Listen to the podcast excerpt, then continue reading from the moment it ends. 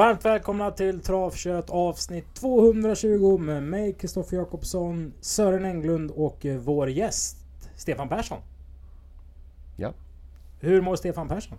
Jo, men det är ganska bra tack. Du är eh, den mesta lyssnaren av Travkött har du sagt vid något tillfälle. Hur brukar du konsumera oss? Ja, vi brukar lyssna på er när vi åker hit till Åby, jag och Alex, varje, varje torsdag normalt sett, eller den dagen ni kör. Så har vi gjort idag också. Du ska ut och köra här ikväll. Du kom från Solvalla igår där du vann med Four Guy Stream. Hur var det? Mm, ja, han är otroligt fin. Han, eh, ja, han, är, han är riktigt, riktigt fin. Han är skoj.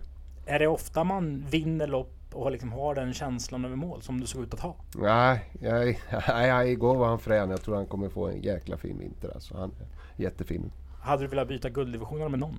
Nej. Nej. Sören, ditt första minne av Stefan eller bröderna Persson som liksom frekvent gäst på Axvalla så måste man väl ha sett de här mm, jo, jo. tidigt? Jo, men det har jag gjort. Men eh, jag har väl tråkigt nog inte något riktigt bra minne. Jag har bara helhetsbilden att de har varit väldigt bra och re rekorderliga killar hela livet. Jag kan inte säga något annat. Jag har inget speciellt sånt där vansinnigt minne. Mellanmjölk. Om du, ja, ja, ja. om du får berätta om dig själv då, liksom travbakgrunden och hur du blev intresserad. Jag nämnde din bror Håkan, men ni, ni är ju fler bröder. Ja, Fredrik har ju också hållit på en sväng. Uh, Anders, vår äldsta bror, har också hållit på lite. Men de två håller inte på längre. Då. Det var väl Håkan egentligen som, som började en gång i tiden. Uh, som springbud på Axvalla. Sprang med mackor till totopersonalen. Började den vägen. Och sen började jobba i, i stall. Då. Och sen uh, började jag också efter två veckors ekonomisk utbildning så började jag på, hos Grundin sen. Så innan gymnasiet så var du inte alls hästintresserad eller travintresserad? Eh, jo, jo, det var jag. Jo, det var jag absolut. Så det var väl därför jag slutade gymnasiet så pass tidigt och gick bara två veckor. Så, jo men det var jag. Vad lärde man sig hos Roger Grundin frågar jag som inte har koll på, på han som tränare eller kusk? Ja, det var, det var en riktig hästkarl. Han var otroligt duktig alltså. Han, eh, ja, han kunde träna hästen gubben och kan fortfarande. Han håller på nere i Malmö fortfarande. Han, han var riktigt, riktigt duktig. Sen blev det både eh, en egen tränarkarriär. Nu har du gått över till, till kuskandet. När du var tränare Stefan, var det vissa saker du tänkte ah, med de där catchdriversarna eller de där kuskarna gjorde si och så som nu kan förstå på ett helt annat sätt när du har deras jobb? Ja, framförallt så tyckte jag alltid tyckt att det varit riktiga glidare som bara jobbat halvtid. Men äh, ja, det, det, blir en del resande och farande och man får nog göra sina timmar som, som kusk också. Nu, jag kallar mig inte catchdiver, jag vet inte vad jag är riktigt men, men eh, konsult, travkonsult kan jag kalla mig. Jag jobbar ju faktiskt lite på dagarna också med, med hästar. Vad är roligast då? Du har sex hästar i träning. Är det roligare att träna dem? Eller är det roligt och, roligare att köra lopp? Jag tycker det är jättekul att köra lopp men jag, jag ser verkligen fram emot varje gång vi, vi ska träna våra hästar i stallet nu i och med att det inte är så många då och vi har väldigt, väldigt fina hästar så, så tycker jag det är jäkligt kul. Som imorgon ska vi köra fort med dem, jag och Linda. Och jag ser fram emot det varje dag och tycker det är riktigt kul faktiskt. Så nästan säga det då för att jag gör det lite mindre nu. Så det är nästan det roligaste nu. Så det vardags så var det alltså sex hästar som du tränar ihop med din eh, fru Linda. Hur i övrigt då? Liksom? Hur långt planerar man som kusk? Man får ju ett sms när anmälningen har gått ut att du kan få styrningar på viss bana. Hur mycket planering ligger bakom? Vet du till exempel vart du kommer tävla i, i mellandagarna? Ja, men det, det, vet jag ju som regel. För jag vet ju vilka, vilka banor som jag i regel får hästar att köra på. Så att det, det har man ju som regel lite koll på. Så, så äh, alltid när den yngste grabben, han spelar ju handboll och fotboll. Så jag brukar kolla när han får sina matchkallelser alltid och, och kolla direkt om det är någon bana jag tävlar på då. För jag, jag brukar vilja titta då. Så. Ja, men det vet jag lite grann. Mm. Sören, vi ska ju snacka om eh, mm. Legolas minne lördag den 10 december med Stefan. När du såg startlistorna i söndags kväll, vad kände du i kroppen då? Jo, men gulddivision är ju alltid ett bra lopp, det vet jag ju. Men ja, jag tyckte bara att det var våldsamt svårt. Mm. En svår omgång, så vi börjar och ni som har lyssnat på Travkött vet att vi gör det från början. Vi öppnar programmet som pryds av en ung Thomas Nilsson. Han är ju still going strong. Nilsson. Men här var han i alla fall lite yngre. Och vi kollar på lopp nummer ett, Västkustens pärla. Där de tio bästa ryttarna i Åby-ligan, alltså som har ridit lopp på Åby och vunnit lopp bland annat, eh, gör upp om segern. Jonathan Carré rider Jano Di Quattro. Vad har du att säga om den Sören? Eh, det är ju en väldigt stark häst och den vann sin eh, debut i Montén.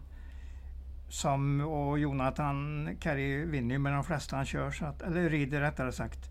Så att det, det bör väl vara tipsettan eller favoriten i loppet. Men det kan ändå vara relativt lurigt bakom.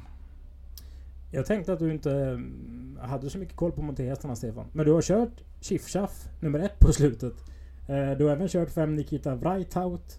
Forever Shadow, Och Forever Shadow och Minus Ganador körde jag. Milos Ganador. Du har kört fyra av Nej, tio. nej Leon Zon har också kört. Ja precis. Eh, ja, och Scotch Brodde också. Så Oj, det är sex. Ja, här, ja, faktiskt. Ja. Vad känner man när man ser de där hästarna? Är det så att man kommer ihåg att någon var snäll eller fin att köra fast den inte var så bra? Eller är det liksom resultatet man kommer Ja, ihåg? nej, jag kommer nog ihåg de flesta här. Men eh, framförallt så kommer jag ihåg, för det var ju ganska nyss, Chiff körde jag ju nu senast och hon gick riktigt, riktigt bra på Halmstad. Blev hängande så fick backa sist och, och spurta jätte, fick dåliga ryggar på sista långsidan. Spurta jättebra. Eh, jag vet, jag sa till Ola direkt jag kom av banan, den här förlorar inte nästa gång. Och nu, är det nästa gång hon startar. ja, så. just det. Just det. Ja. Hon har ju också en väldigt, väldigt bra eh, ryttarinna som har jobbat hos mig. Tova, jag tycker hon Mm, är otroligt duktig. Det var ju klara besked från Stefan. Ja, Hur gör jättebra. du på din V4 Sören? Eh, jag har inte funderat så mycket på det ärligt talat, men eh, Chief Chaff och Albert Vendil är jag ju nöjd med också, vad jag ser i varje start i princip. Så att den vill jag nog plocka med tidigt. Eh, upp, upp, upp, upp, upp, vad sa vi mer? Den där är ju mycket svår i Montén, nummer tre, Forever Shadow, som vi inte har sett i den, i den här disciplinen förut. Men det, den är väl, det är ju en bra häst i alla fall.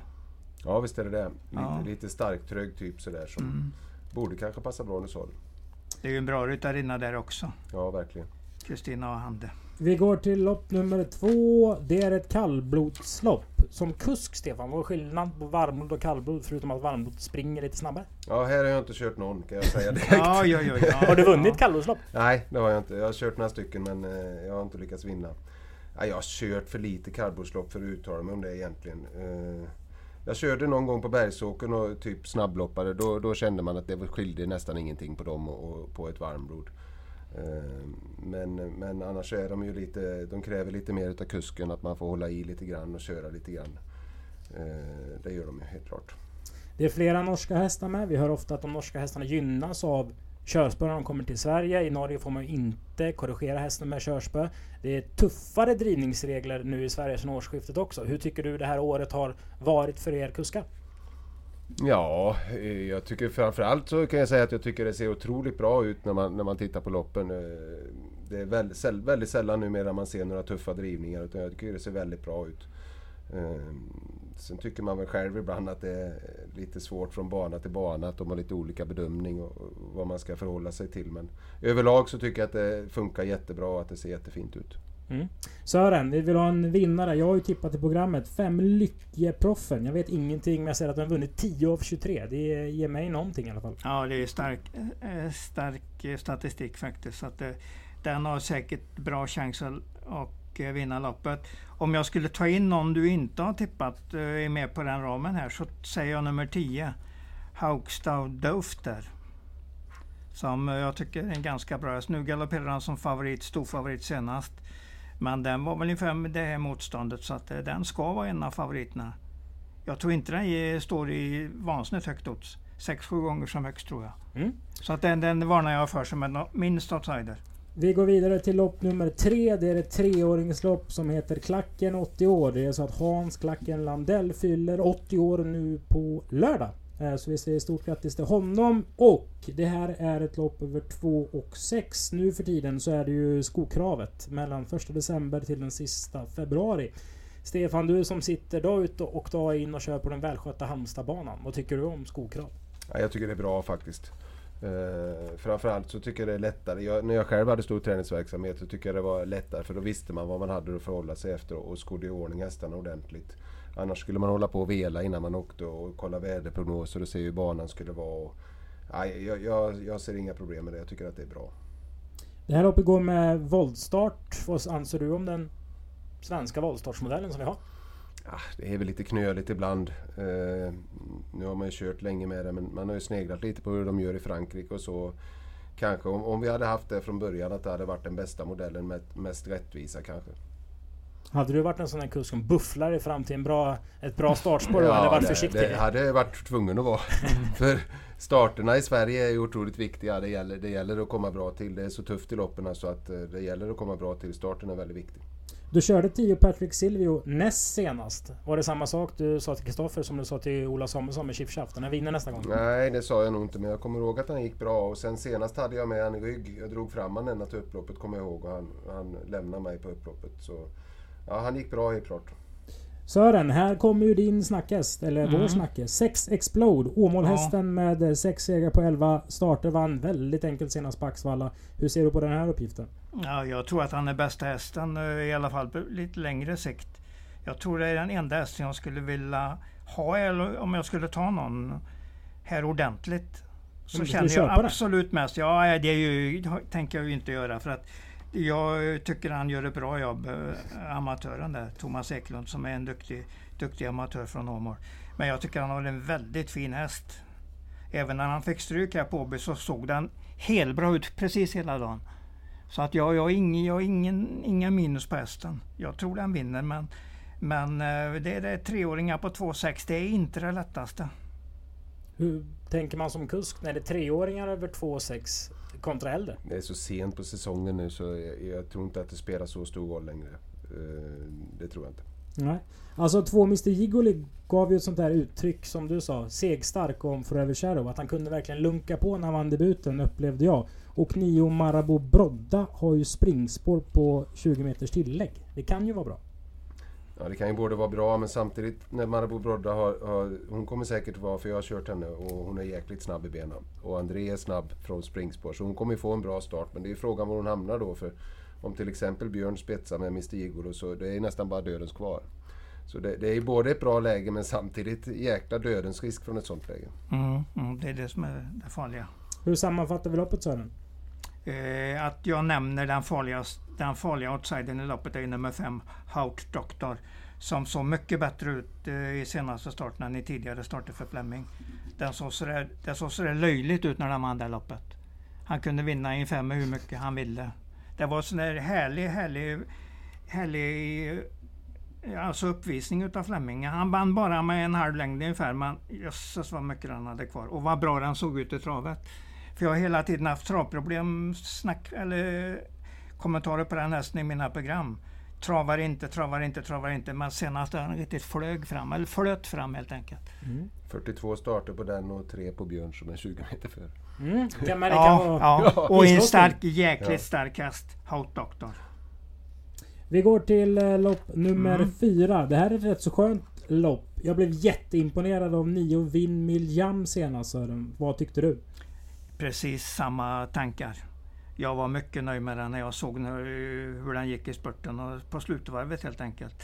Så att det, jag har inga problem med tipsetan här, det är den. Men jag har ju en lika farlig outsider i nummer 4 Notos som jag ju följer ordentligt. Du släpper dagen. inte den nu? Nej det gör jag absolut inte. Den ser jättebra ut i varje start. Så att den, den, kan, den kan möjligtvis hota Windmill men den Windmill är nog betydligt starkare, tuffare häst helt enkelt. Ja, jag, jag, säger 9 före 4. Ingen spik?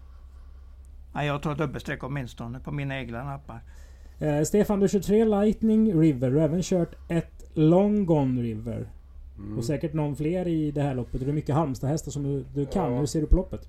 Ja, ett jäkla fint lopp till att börja med. Mm, tycker jag. Mm. Verkligen bra hästar. Den här Win Milliam som vi pratade om, det är en sån där. Det brukar ju också sippra ut lite om de här treåringarna, vilka de tror mycket på. Den där är, har man ju hört talas om från början. Och har ju sett väldigt fin ut också. Och sen eh, Long Gone River som jag körde åt Kristoffer och vann med på Kalmar var det. Det var en jäkla fin häst också. Eh, det får jag säga. Får man säga att den var dålig senast? Alltså det var ju men, Johan Jakobssons minne, ja, jag vet det. Men ja, ja. vi jag, såg ju den i våras. Mm, och då tänkte ja, vi man alltså, gillat den hela Det tiden. var en fyrhjulsdriven häst så du bara ja, sjöng om den. Här, jag var ju såhär, den här vinner kriteriet. Det finns ingen som är bättre. Det tänker jag ju alltid i april om en OB-häst Spontant så kändes det som den fick ju ett stenhårt lopp på Solvalla där. Och det är rätt långt från Jägers fram och tillbaka till Sovalla så Mm. kanske blev lite för kort återhämtning mellan. För hästen är jättebra, den gick otroligt bra när jag vann med den på Kalmar på en jättefin tid. Eh, sen har vi även Dubai Kronos, det är ju jättekapabel häst också. Hur mycket extra koll har man liksom på, på Halmstad-tränarnas hästar? Du har stall inne på stallbacken som du tränar dina hästar. Det är väl att man kör jobb bredvid varandra liksom hör tugget på ett helt annat vis. Och det är så många tränare som är där inne. Jo, men det har man ju koll på. Jag käkade lunch med Peter Untersteiner idag och eh, enli- ja, vi får nog huka oss nästa år med deras treåringar för nu är de bra. Kan jag säga. Ja, han var väldigt, väldigt. Du menar de som blir fyra de, som- alltså? Nej, de, de som blir tre år nästa Alltså, år. de, Ja, ja, ja, det ja, såg ja. extremt bra ut nu. Ja, Han var väldigt optimistisk. Nej, men det blir ju så. Man ser ju någon häst i jobb och frågar vilken Ja, är det det är ja, och sådär. ja. Så det är klart att man har ett koll. Mm. Ett fint eh, lopp avslutar V4. Vi vänder blad till V75 avdelning 1. Bingolottos lopp. Autostart över 2 och 6. Körs det för mycket eller för lite autovolt ja, i V75 Stefan? Vad tycker du? Ja, eh, det vet jag inte. Det är nog en lagom mix tror jag. Det är inget jag har funderat på så mycket. Nej, det tror jag nog är en lagom mix. Vad gillar du bäst? Det beror på vad jag har för spår. Men, men eh, nej, auto då säger jag. Vilket spår är bäst på Åby? Fyra. Hur är ett på Åby? Ja, det är lite knixigt på Åby tycker jag. Lite knixigt. Ingen katastrof, men det är inte det bästa. Har det alltid varit en, en debatt, eller liksom på senare år när till exempel spelvärlden och de här statistiktjänsterna verkligen har satt tänderna i det? Att spår 1 inte är lika bra som man trodde för 10 år sedan?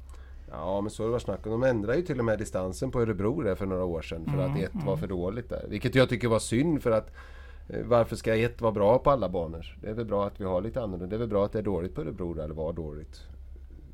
Det tycker jag, jag tycker det är roligt med lite olika förutsättningar på alla banor. Ett på Axvalla till exempel är ju, är ju väldigt bra. Där kommer ju start, där får du bra fart på gakan. Det är väl den banan som det är bäst att ha ett på tycker jag. Så det är det det handlar om när du säger 4 då? Att man får bäst fart ut på rakan när bilen Ja, släpper? precis. Eh, desto, desto längre bilen fortsätter på gakan, desto bättre är det att ha ett då, så att säga. Sören, hur ser du på det här loppet? Jag bara säger till Stefan här att om du hade pratat med Peter Untersteiner om spår så säger han fem. Han tar Ja. ett, ytterligare ett nummer där. Ja, det förstår, Fyra. jag inte, det förstår jag inte riktigt. Nej, Men- han, säger, han, sa till ja, jag mig, han sa till mig för ett tag sedan att det är som att ha en autostrada när man får nummer fem på Ja. AB.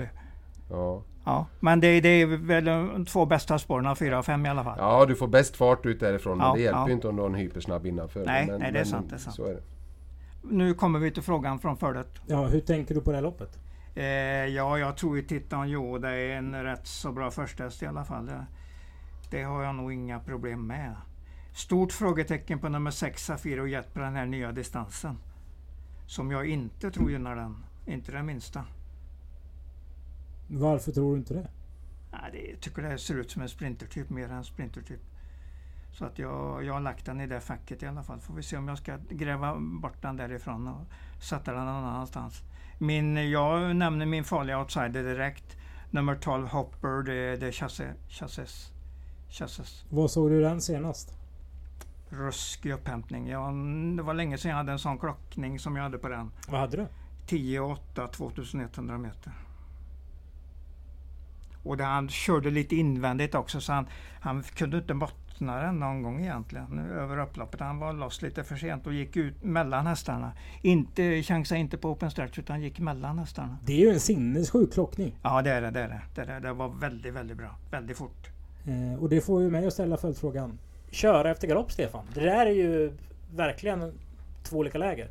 Det en, ena är att hästar är flockdjur. De vill springa ikapp fältet. Det andra är att det gör ingenting att man kör ikapp. Hur har du tänkt som både tränare i många år och även som kusk? Ja, Jag brukar eh, inte köra något direkt efter galopp för jag tycker ofta det är, det är för lite att vinna. Inte till vad man får, för ofta kan du inte få bäst än en sista slant eller någonting och det finns ingen idé att slita på hästen. Kör du till exempel loppet Robert Berg så är det en sak skötarna säger till dig när du kör ut. En enda sak. Får du galopp kör du hem. Alltså på det Ja, viset. du får inte köra ja, någonting Ja, efter galopp för då vill han hitta ett nytt lopp till dem istället. ja, ja. Så, eh, och det där med klockningar efter galopp. Ja, lite... Det här var ju en jäkla tid, det får jag hålla med om. Men det är lite som du sa, de jagar, det är lättare att få en bra tid när de jagar i kapp. Eh, och nu vet jag, tittar inte så noga, jag vet, tror knappt att Johan körde aktivt via tredje och fjärde utan han körde liksom försiktigt utan han kanske gick med. Men ja det gjorde han. Han körde upp i, på innerspår och sen körde han emellan på upploppet. Den har ju ändå det där i kroppen. Mm. För du kommer ju inte spika den direkt. Det beror helt på spelvärdet på den. Jag vet, eller jag tror det blir ganska bra spelvärde på den. Jag vet ju också hur matchningen är på den. Den ska till Sylvesterloppet. Det är, där de, det är deras stora mål förresten. Ja, då, gäller det, då, då gäller det nog inte att köra bort nej, mer poäng nu. Nej, För precis. Det kommer behövas precis. poäng där. Ja, kan Four Guys Stream starta där? Eh, jag har inte kollat hur han står inne där. Mm. Nej, han ska starta i alla fall 26 först nu i finalerna ju. Ja just det, just det på sovarna ja. Eh, den är sträckad på 4% hoppade de ja. i V75 avdelning 1. Vi går till V75 avdelning 2. Lägsta klassen på V75. Jag har fastnat för två Laban Lage. Du sa för några veckor sedan Stefan när Four Guys Stream vann. Då hade du inte Nikita och Right Out. Den andra Right Out-hästen Conny har. På utsidan. Och då sa du i segerintervjun efteråt att det har ju nästan inte gått att slått Connys hästar sista veckan. Nej precis. Men var inte den... Var, var det han som var uppe och vann nu i Ja, på Bergsåker. Mm. Nu har jag glömt namnet. Jag vet eh. efternamnet. Eh, två Laban Lager säger jag. Vad säger du om det här loppet Stefan? Ja, nu tog du mig på sängen lite. Eh, jag tycker ju att Kristoffers häst är väldigt, väldigt bra. Det måste vara en bra klass 2-häst. Nyras, Lars mm, R. Mm. Eh, den vet jag han själv tycker också är väldigt bra. Eh, känns spontant som en väldigt bra klass 2-häst tycker jag. Sören, om du fyller på hur vi ska tänka spelmässigt då? Ja, jag tycker man kan gå ganska ordentligt på Laban-laget här. För att den var jättebra när den startade på Åby senast. 10 sista fem, den bara blåste förbi eh, Kandelvik där. Eh, också väldigt fin ut. Sen galopperade den senast, det är inte mycket att göra åt. Det är sånt som händer alla hästar egentligen. Det var ju voltstart då? Ja, exakt, exakt. Så att det är nummer två på auto nu är nog betydligt bättre. Och det är helt enkelt hästen att slå i lappet. Så den skulle jag kunna tänka mig att spika. Mm. Spännande så från Sören. Om vi går till lopp 7, men innan dess Stefan. Vilken kuskkonkurrent är värst att köra emot?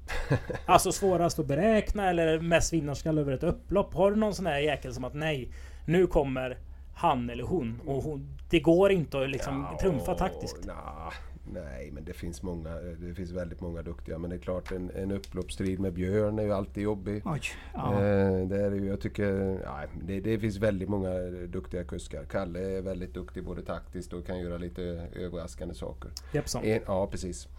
Eh, en kust när han var i Sverige var kvar här som jag alltid hade koll på var han var i loppen. Det var ju Åke på den tiden. Han Åke var, så han var ju sån. Ja. Han kunde ju skicka mitt i och lite sådär. Berg var ju, är ju också lite samma stuk. Mm. Så då sitter du alltså i ledningen och tittar extra noga ja, efter de men sä särskilt om de, de, har någon häst som är lite aktuell och sådär så, så gör man ju det. Eh, vissa får man hålla lite koll på. Mm. Vi går till V75 avdelning 3. Det är Legolas minne. Vad har du för relation till Legolas Stefan? Du var typ 10, 12, 13? Ja, det var i början av mitt travliv. Eh, jag kommer ihåg att han vann hela tiden och sådär men, men eh, ja, en jäkla mysig häst för han, han var inte så stor utan eh, en liten knatte men en riktig krigare ju. Sören, hur ser du på den här upplagan? Det är mycket svårt. Jag har hemskt svårt att veta hur jag ska sträcka det här loppet och hur jag ska värdera det. Men jag har väl min A-hästar, eller A-grupp helt enkelt. Men jag har svårt att säga vem som ska vinna. Hur låter det på Halmstad stallfik mellan luncherna då? På Aitos Kronos, Stefan? För jag tycker man läser lite för mycket att det här är ett test om det ska bli en avelshingstkarriär i januari. För man ska liksom tro på det helhjärtat. Ja, jag har inte hört så mycket snack om Aitos faktiskt. Men, men eh, jag vet inte. Det är väl lite upp till bevis nu när han startar och se, och se vart han är då. Var väl lite sådär tycker jag i comebacken på Kalmar. Även om han behövde loppet då sist. Då hoppade han bort sig. Så det är väl lite frågetecken på honom. Sen jag vet inte den här Mr F-Dag. Normalt sett hade man vetat att han var i form så, så ska väl den bara vinna från ett sånt läge kan jag tycka. Men jag vet inte hur formen är riktigt. Han har ju inte riktigt, riktigt resultatet med sig på slutet. Sexan där med krafter kvar där efter en spårsnål invändig löpning. Mm. Så att det, det sa inte mycket, det var fastlåst i alla fall. Gör man som kusk någonting annorlunda när man åker ut och ska köra ett gulddivisionslopp och förbereder sin häst eller om man kör lägsta klassen på V75? Nej, egentligen inte. Det, det jag brukar göra annorlunda lite grann det är om jag har tänkt att vara lite aktiv från start och vill att hästen ska öppna fort så gör jag ofta en ganska snabb eller lite raskare provstart försöker få hästen vaken andra provstarten. Och har jag en häst liksom som är lite hetsig och kanske har bakspår då försöker jag bara hålla den lugn istället. Och så. så att man försöker kanske vässa upp en häst som man vill vara med i början lite med. Kan Rackham överraska med lite startsnabbhet på lördag Sören? Nej, det känner jag väl inte för att den gör startsnabb. Men den kan ju få ett fint lopp invändigt där och eh, det är ju, det är ju en hemskt bra häst. Nu får vi se vilken form den är i, men jag tror nog att den är ganska bra. Han har tagit fram den, eller tagit hem den och inte haft kvar den nere i Paris utan går hem och vill starta i det här loppet. Vilka sträckar vi på V7 gör du Sören? Eh, vi sträcker ju i alla fall Phoenix Foto som jag tycker är vansinnig form för dagen. Oj. Och Emoji, emoji nummer 10 Emoji. Fem hästar? Ja, absolut. Vi vänder blad. Minst, minst. Jag Ja. tror nog att det kan vara ännu svårare. Ja, än okej. ärligt ta- tar hela bunten kanske. Vi går, Nej, till, nej, det tror jag inte, men ja. vi går till V75 avdelning 4 där du kör nummer 10 Erwin Darling Stefan. Berätta om den här hästen. Ja, men hon är ganska bra med som Precis som alla Olas hästar har haft väldigt bra form nu ett tag. Så tycker väl kanske att hon är lite kort i gocken i ett sånt här lopp. Eh, Dessutom lite, säger Ola, lite halvbesvärlig i volt. Så det är inte helt säkert att det går felfritt trots bra spår. Normalt sett svårt att vinna tror jag. Hur gör man när en häst är halvbesvärlig i volt? Vad är det man Nej, tänker då på får man framförallt? försöka hålla henne lugn då. Och, och vända lugnt och, och smyga iväg lite grann och tänka sig för. Det är väl det man kan göra. Diamantstoet har vi liksom sett nu i, flera år. Vad är speciellt att köra de här loppen på, som ofta är på V75 där ston i liksom olika klass möter varandra? Ja, det är ofta väldigt öppna lopp. Jag tycker det brukar ofta sluta med att den som får bäst lopp utan och bra vinner. Det är sällan någon, någon är liksom överlägsen och tål att göra loppen helt på egen hand i de här loppen. Utan det, det krävs ofta att, eh, en bra resa och att man har lite klaff. Upplever du att ston har kortare formtoppar än hingstar och? Nej, det är inget jag funderar på faktiskt. Nej, det har jag... Nej, inte i mitt eget stall tyckte jag inte att jag märkte det. Om vi börjar med spetsstriden Sören. Girl Happy EP och Mm. Mads Henriksson. De som inte vet vem Mads är. Får du presentera han honom. är ju, är ju i Flemings stall numera. Men här kommer han med en e, e, familjens häst. Mm. Girl Happy EP. Så den har han nu liksom ut, lite utanför då. Utanför Flemings stall. Så att han, jag vet inte om han tränar den på eftermiddagarna eller eh, mer eller mindre på kvällarna. Men, det, den är väl, det, är väl, det är väl de andra familjemedlemmarna som tränar. Som tränar den mest i alla fall. Så jag tror den tar spetsen, men sen om den vinner det är jag inte riktigt så säker på. Jag gillar ju den här nummer 11, Melby Ivy, som den är för dagen. Det- Jag tycker den har varit ruggigt bra. Står inte den 20 meter fel? Inte på klass och hur den ska gå närmaste tiden. Ja, men den har ju tjänat extremt snabba pengar på sex månader. Eller sex veckor. Mm. Ja visst, så är det. Så är det. Men, du, Men det bär ju ofta hästarna också på den formen de har. Så jäkla fin form på den hästen. Mm. Vad tänkte du på du Stefan? utgår ifrån att Urberg släpper då förmodar jag. För Ja. jag tror inte att du tror Mats Henriksen tar en längd på Urberg från, från springspår där på... Nej, det är jag inte säker på. Men jag tror ärligt talat att han har nog mera, mera att tänka på där. Och mera offensiva tankar runt första sväng. Jag vet inte alls hur mycket Thomas tänker på den där nummer sex. Det kan ju vara som du säger att det är den som leder. Nej, jag vet inte men bara men Urberg med ett sånt läge Ja, slutar ju ofta med ledning. Om Ja, vi blir, det, om vi blir väldigt smala här så är det ju Thomas Urberg som leder springspåren, eller hur? Mm. Jag frågar Stefan, för jag har Ja, kört lopp. ja, de är ju bara två där bak då. Gör man någonting annorlunda om man som, som Thomas Uber, jättevan springspårskusk, har en lite mer orutinerad kusk bakom sig. Att man liksom försöker med någon små detalj köra lite långsammare eller vända lite senare om, om man vet om det själv. Men att man vet att den andra kusken, det är ju lite följa John. Ja, Att Urberg kan liksom spela på Mats Henriksens orutin. nej, det tror jag inte men, men eh, Urberg är så pass duktig och har han bara en någorlunda snabb häst så, så är det i princip omöjligt att ta sig förbi från det yttre springspåret. För att han, han är så bra med. Då måste du ha en häst som är mycket, mycket snabbare. Och, det vet jag inte om han har men, men han måste ha en häst som är mycket snabbare än Thomas om han ska ta sig förbi helt enkelt. På tal om springspår så är ju Goop och Adielsson de på 20 med Nymke Brigadon och Mm. Elektrik eh, A. Du var inne på att det kan vara dödens i vissa fall. Det kan vara bra, det kan vara dåligt. När det är så är det ett fullt fält. Är det alltid att man laddar och prickar det man kan? Eller börjar taktiken redan när man vänder upp? Ja, det får man ju försöka göra. Men just när de har springspår här då och det är springspår på främre volten också, då är det inte riktigt lika bra. För att då får också även 1-5 upp, de får ju också som en extra volt över. Så de har ju också springband, så det, det är svårt att ta sig förbi de invändiga när man, när man har de springspåren som de har längst ut här. För då har de andra också hög fart. Det är inte riktigt lika bra som att ha vanliga springspår så att säga. Nej, Förstår vad jag menar? jag Ja. förstår. Vi går till V75 avdelning 5. Det är ju bronsdivisionen där det är många om budet. Kort distans. Och någonstans på någon slags känsla så kände jag mycket för Stepping Moneyboy när jag såg den här eh, startlistan. Finns det sådana hästar Stefan som man kör och vinner lopp med och så känner man ändå att det här är liksom onsdag, torsdag, fredag hästar? Att det är en gräns upp till V75 eller kan liksom formen ändå ta ut någon slags klass? För Stepping Moneyboy har ju vunnit massa V64-lopp runt om i Västsverige. Men han har väl aldrig liksom fått till det på V75. Nej, det är ju en häst som... Han blir väldigt mallig när han känner att han går på dem. Eh, det är väl med när jag var med på Visby längst upp i raden. Då, då mötte han ett dåligt gäng och han, han bara pullade ifrån dem. Han tyckte det var riktigt, riktigt roligt. Eh, men från det här läget så tror jag absolut att han kan duga på V7. Men, men det är ju en sån häst tror jag som... Om man ska kunna vinna V7 så krävs det nog att han börjar här och att det klaffar lite. Det, han är nog inte riktigt eh, så pass att han kan vinna V7 i spåren kanske. Men, men från det här läget och han står ju perfekt inne på pengar så kan det absolut gå.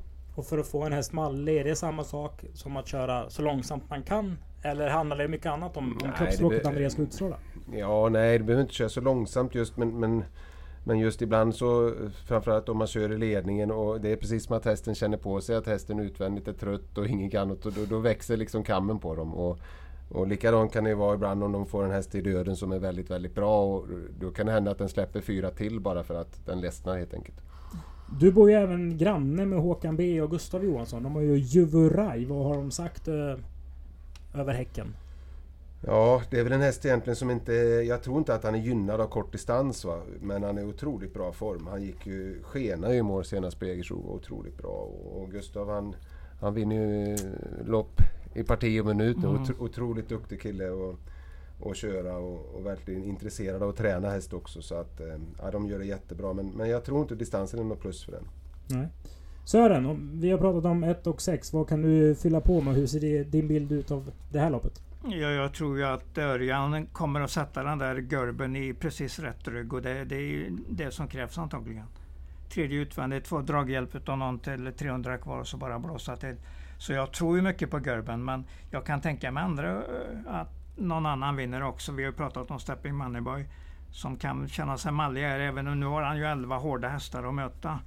Stepping Boy så han får nog inte, inga större tillfällen att känna sig mallig den här gången. Eh, Beethoven första starten för Björn Goop som har köpt hästen. Det är ju nog så intressant.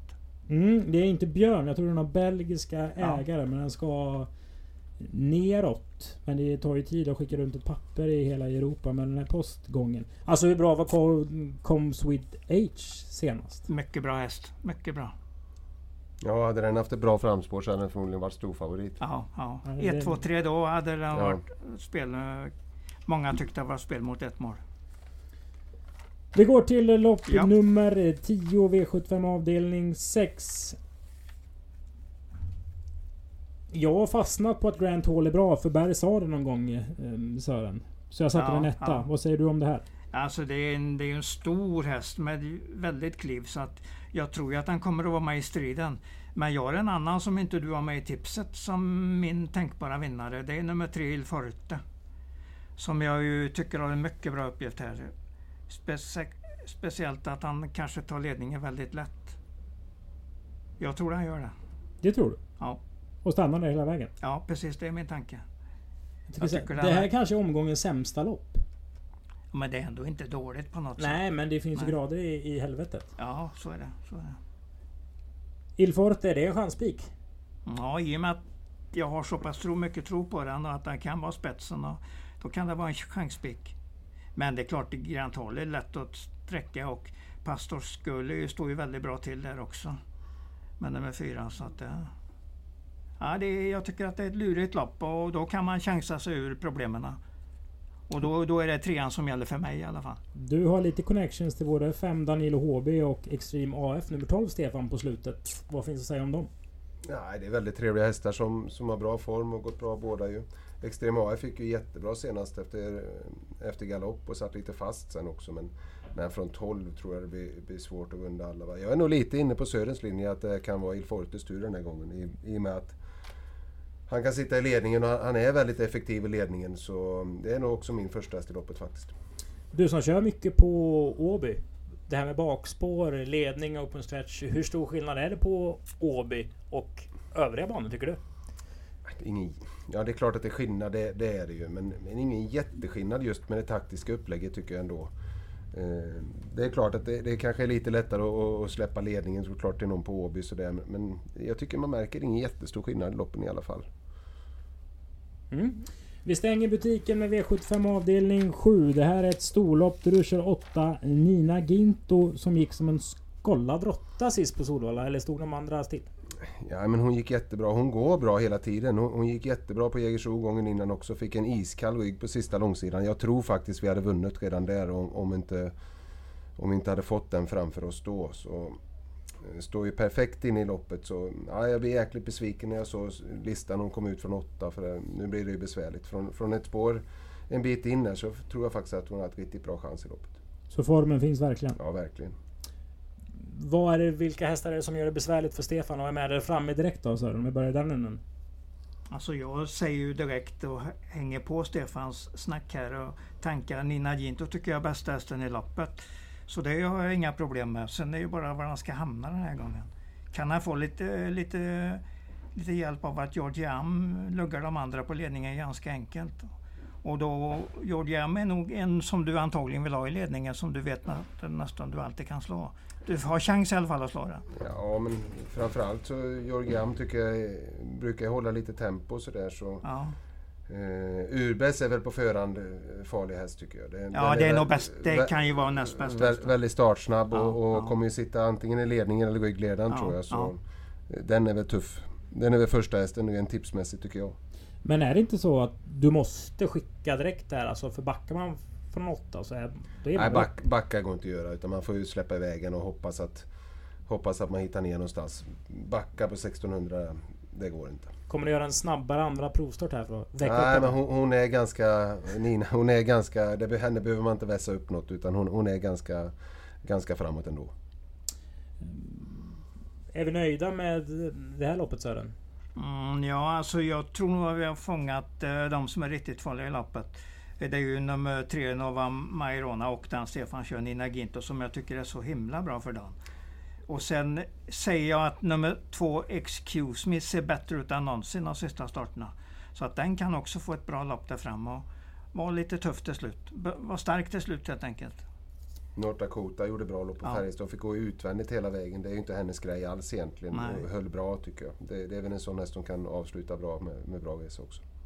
Det är ett svårt lopp egentligen. Det är många, många som är positiva i loppet. Ja, Löfgren har, kört in, Löfgren har kört in över 570 000 med Jensen Persson. Det känns mm. som att den mm. liksom ändå har uh, lite uh, kräm kvar. Mm. Vi ska uh, gå till lopp 12. Vi har en sista sån här allmän fråga till Stefan. Mm. När Magnus A. Djuse uh, kallade domarna dit och datten uppe i Norrland.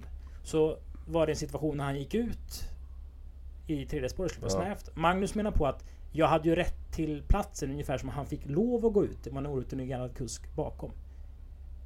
Är det lite annorlunda när man kör mot de här riktigt rutinerade kuskar än om man kör i ett lite vanligt ja. lopp? Att de rutinerade kuskarna, ni tänker likadant? Ja, men det så, Magnus Böter, ska vi säga. Så, är, så är det ju. Uh, sitter jag till exempel, om jag, om jag tar Jeppsson som ett exempel, eller jag kan säga Johan Untersteiner eller vilken som helst.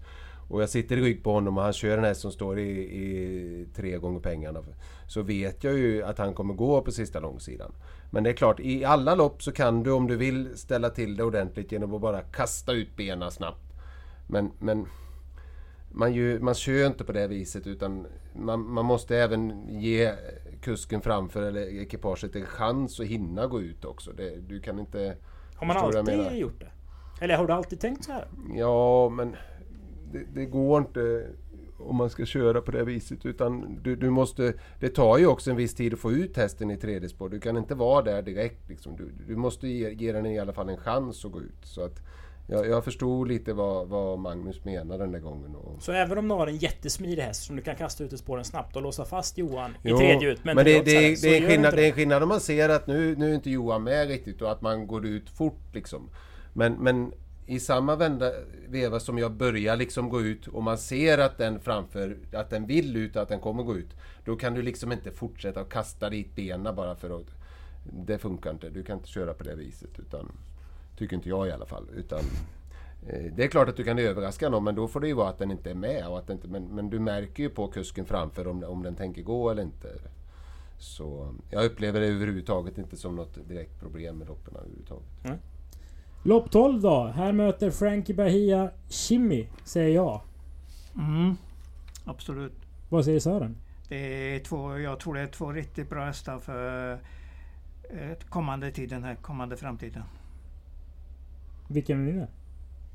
Jag tror, jag tror att Konrad kommer att vinna, men jag, jag var klart nöjd med Chimmy.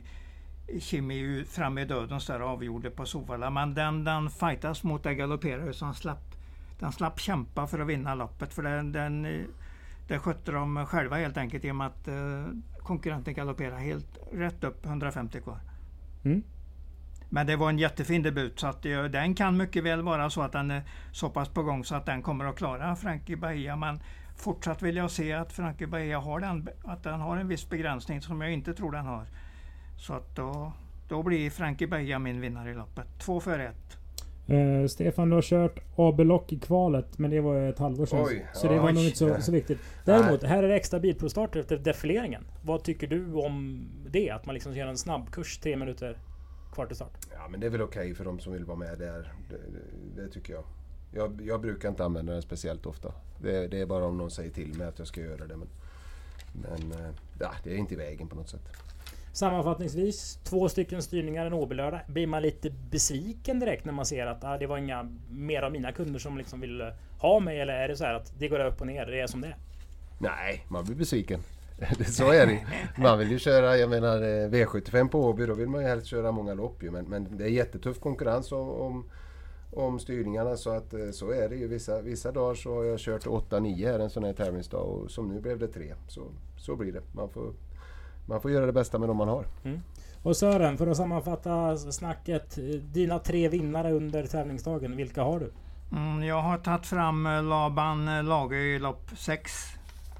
Jag har tagit fram nummer 11, äh, Melby Ivy i lopp 8. Och jag säger även nummer 9, i lopp 9, nummer 9, Gerb, Gerben. Mm. Det var de som jag tänker på först. Men det finns många andra. Det är som tur är ett jättebra program. Det finns hur många bra hästar som helst. En rätt så rolig spelomgång känns det som. Ja, på förhand i alla fall när vi snackade V75. Eh, stort tack till eh, dig Stefan. Tack själv.